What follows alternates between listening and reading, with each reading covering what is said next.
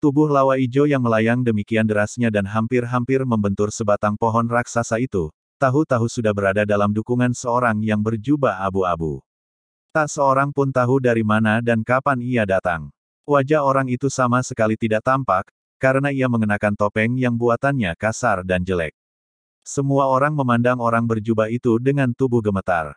Dalam pada itu, tiba-tiba Jaka Soka segera melangkah maju dan dengan hormatnya ia berkata, Paman Pasing Singan, aku menyampaikan hormat setinggi-tingginya. Pasing Singan, nama itu mendengung kembali di telinga Mahesa Jenar. Inilah rupanya guru Lawa Ijo yang telah datang untuk menolong muridnya. Maka mau tidak mau hatinya tercekam pula. Ia pernah mendengar kesaktian orang ini dari gurunya.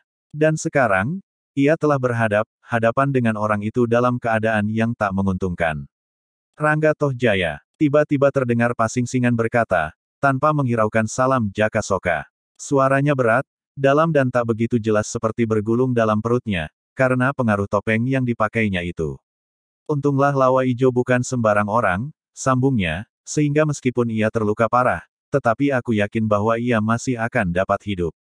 Orang itu berhenti sejenak. Matanya yang berada di balik topengnya itu memandang Mahesa Jenar dengan tajamnya. Hal itu adalah karena pertolonganku. Pasing Singan melanjutkan, kalau tidak, ia pasti sudah binasa terbentur pohon ini. Karena itu, kau aku anggap telah melakukan pembunuhan atas muridku. Kembali hati Mahesa Jenar melonjak. Ia tahu apa arti kata-kata itu. Dalam hal yang demikian, tiba-tiba ia teringat kepada almarhum kedua gurunya yang merupakan angkatan yang sama dengan pasing singan itu. Kalau saja mereka masih ada, pasti mereka tidak akan membiarkannya berhadap-hadapan sendiri. Tetapi sekarang ia seorang diri menghadapinya. Sebagai seorang prajurit pastilah Mahesa Jenar tidak selalu menggantungkan dirinya kepada orang lain. Karena itu, meskipun ia tahu, bahwa kekuatannya tak seimbang, ia bertekad untuk melawan mati-matian.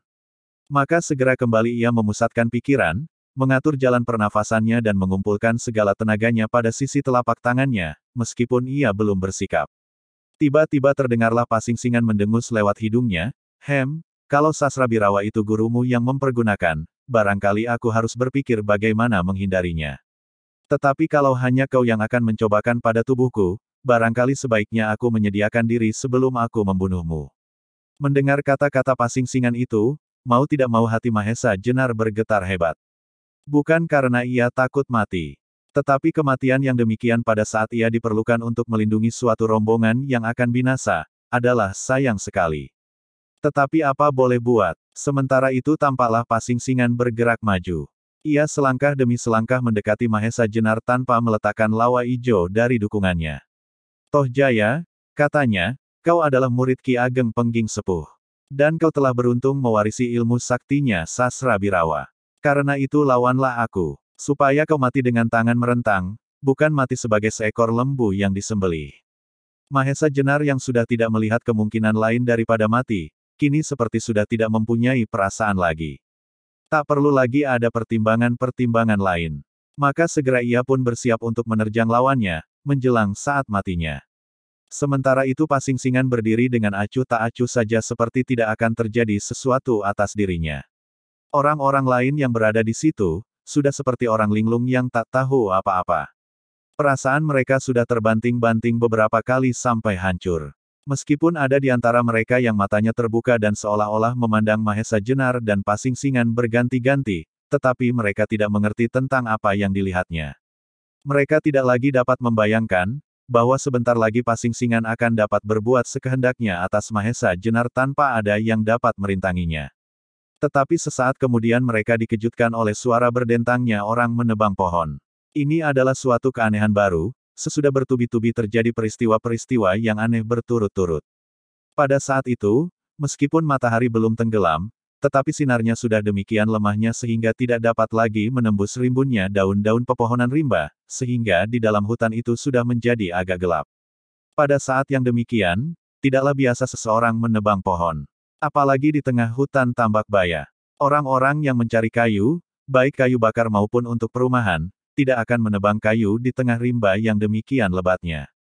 Lebih-lebih tidak jauh dari tempat itu, baru saja terjadi pertarungan yang dahsyat antara Mahesa Jenar dan Lawa Ijo. Berkali-kali terdengar Lawa Ijo bersuit atau berteriak nyaring. Mustahil kalau suara-suara itu tak didengarnya. Tetapi ternyata suara itu terus terdengar. Bahkan semakin lama semakin jelas. Makin nyatalah, bahwa sumber suara itu tidak begitu jauh. Yang lebih mengherankan lagi, suara berdentangnya pohon yang ditebang itu, bagaikan nada-nada lagu yang mempesona. Rupanya Pasingsingan heran juga mendengar suara itu.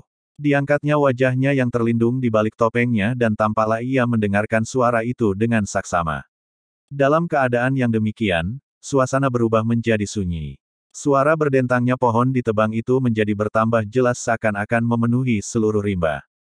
Gemanya bersahut-sahutan di segala arah sehingga amat sulitlah untuk mengetahui dengan pasti sumber suara itu. Sebentar kemudian suara itu menjadi agak kendor dan semakin perlahan-lahan pula. Tetapi sementara itu disusuloh dengan mendengungnya suara baru yang juga seharusnya tak mungkin terjadi. Di tengah-tengah rimba yang liar pekat, dan yang diliputi oleh suasana perkelahian dan hawa pembunuhan itu, menggemalah sebuah lagu. Dan danggula yang diungkapkan oleh sebuah suara yang indah. Lagu itu sedemikian mempesona, sehingga semua orang yang mendengarnya menjadi lupa akan segala-galanya kecuali lagu itu sendiri. Jaka Soka dan Mahesa Jenar adalah orang yang cukup masak. Tetapi meskipun demikian tampak juga bahwa mereka dihinggapi oleh perasaan-perasaan yang aneh. Dan danggula itu terdengar begitu jelas sehingga kata demi kata dapat dimengerti dengan baik. Bunyi syair dari tembang itu adalah